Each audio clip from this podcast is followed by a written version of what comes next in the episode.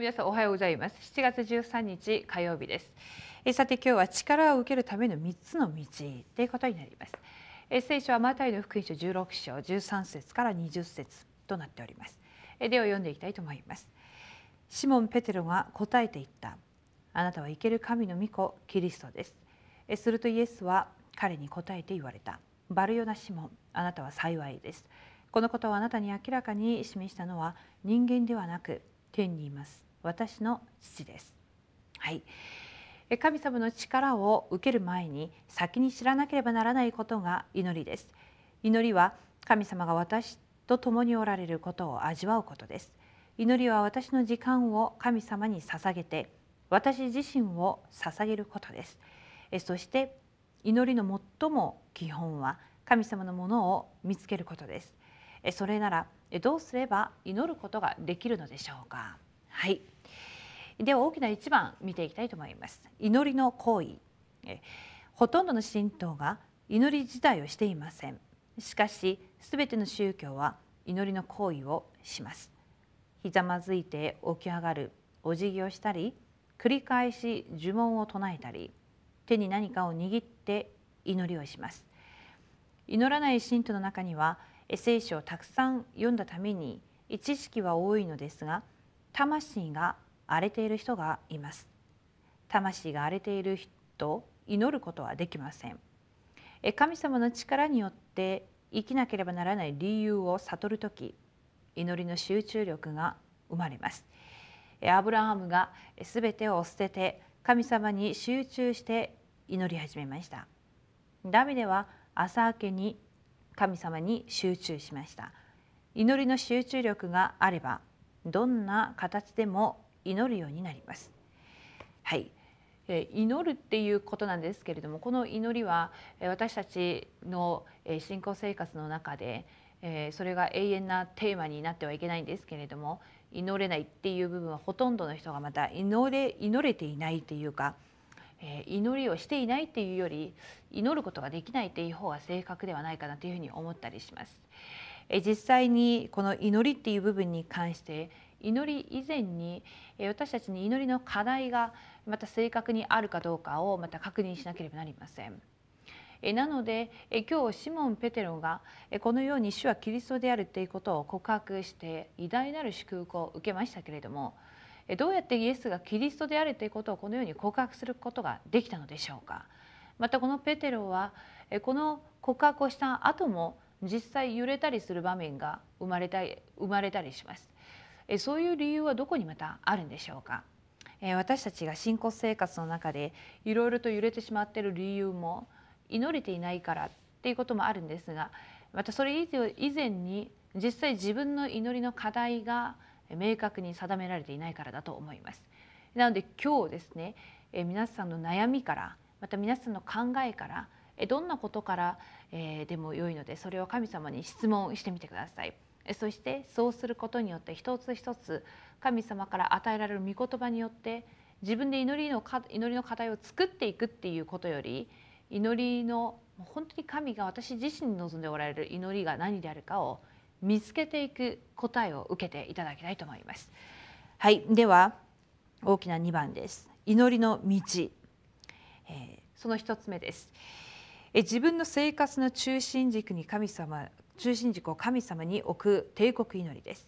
自分の生活の中心が祈りとつながるときに働きが起きます。しばらくの間でも時間をとって精霊の満たしを受けるように祈れば力が現れます。そして2つ目は福音と伝道を味わう祈りです福音を味わう祈りを続けると自分のすべてのことが福音とつながるようになってしていることを征服して成功に達するようになり唯一性の答えを味わうようになります。3つ目。深い祈りをすると必ず力を受けるようになります。問題にあったり重要なことを控えている時に集中して祈れば特別な答えを受けるようになります。はい、このように帝国祈りやまた集中祈りやこのように唯一の答えを受けるための祈りの部分が記録されていますけれどもこういう祈りの中に入っていくためにまず皆様自身に今日の祈りそれは今日のまた一日のスケジュールの中で皆さんが今日の祈りと伝道そして御言葉この3つの部分をまた実践していかなければならないと思います。えなのでシャープ出しがけよ。2번シャープ。Okay. うんうんうん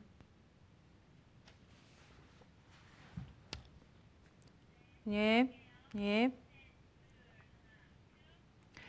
はい、今皆さんに、えー、祈る祈りっていう部分以前にまたいろんな問題もあると思います。え問題がない人っていうのは誰もいないと思いますけれども、え今朝ですね、え皆さんが抱えている問題をよくその問題をよく見てえ欲しいなと思いますその問題に対して今日のこの祈りの手帳で皆様に語られている部分がどんな部分であるかをまたチェックしていただきたいと思いますそしてその御言葉を置いて皆さんが今日時間今日の一日のスケジュールの中でたった5分でもまた2分でも1分でも構いません。その問題に対してその与えられたその御言葉それをずっと黙想しながら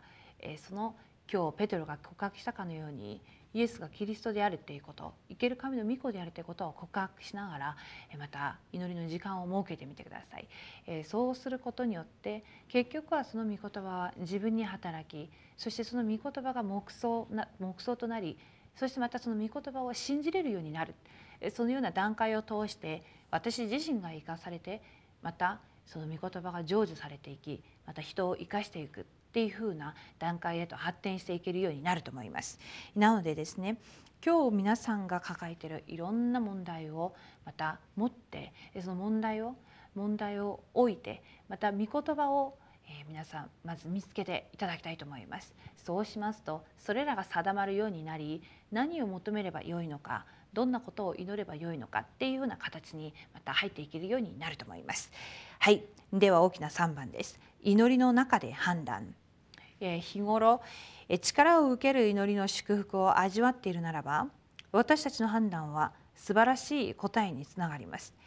毎日自分のアイデンティティを握って更新すれば素晴らしい働きが起きます。そして問題にあった時祈りの力を味わっていれば問題のすべてを祝福にすることができます。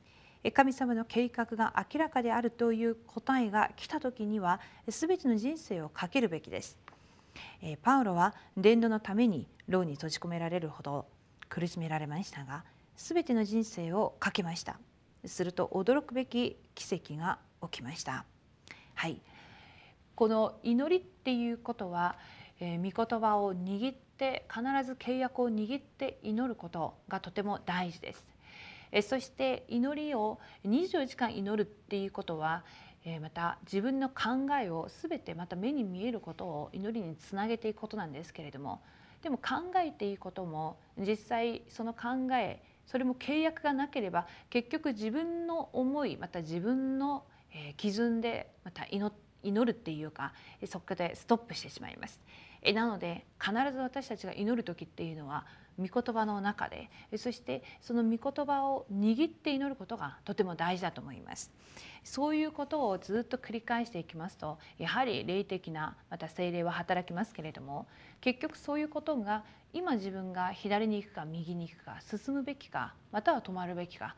でこのような霊的な判断識別力が生まれてくるようになると思います。そういうことを一つ一つ伝道の方向へ人を生かしていく方向へ選挙の方向へこれを少しずつ動かして持っていくということです。神の霊はまた契約の霊でありまたこの伝道と選挙のために働かれる、えー、御霊の精霊ですから必ず神様とこの唯一の答えを受けられるまたその魂の救い運動へとつながっていくそのような働きが今日皆さんに備わっていくことであろうと思います。はい、では今日のフォーラムの主題です。すべてを持っていても神様の計画を知らなければどうなるでしょうか？すべてのことを始める前に神様の計画を発見するようにと祈り始めましょう。はい。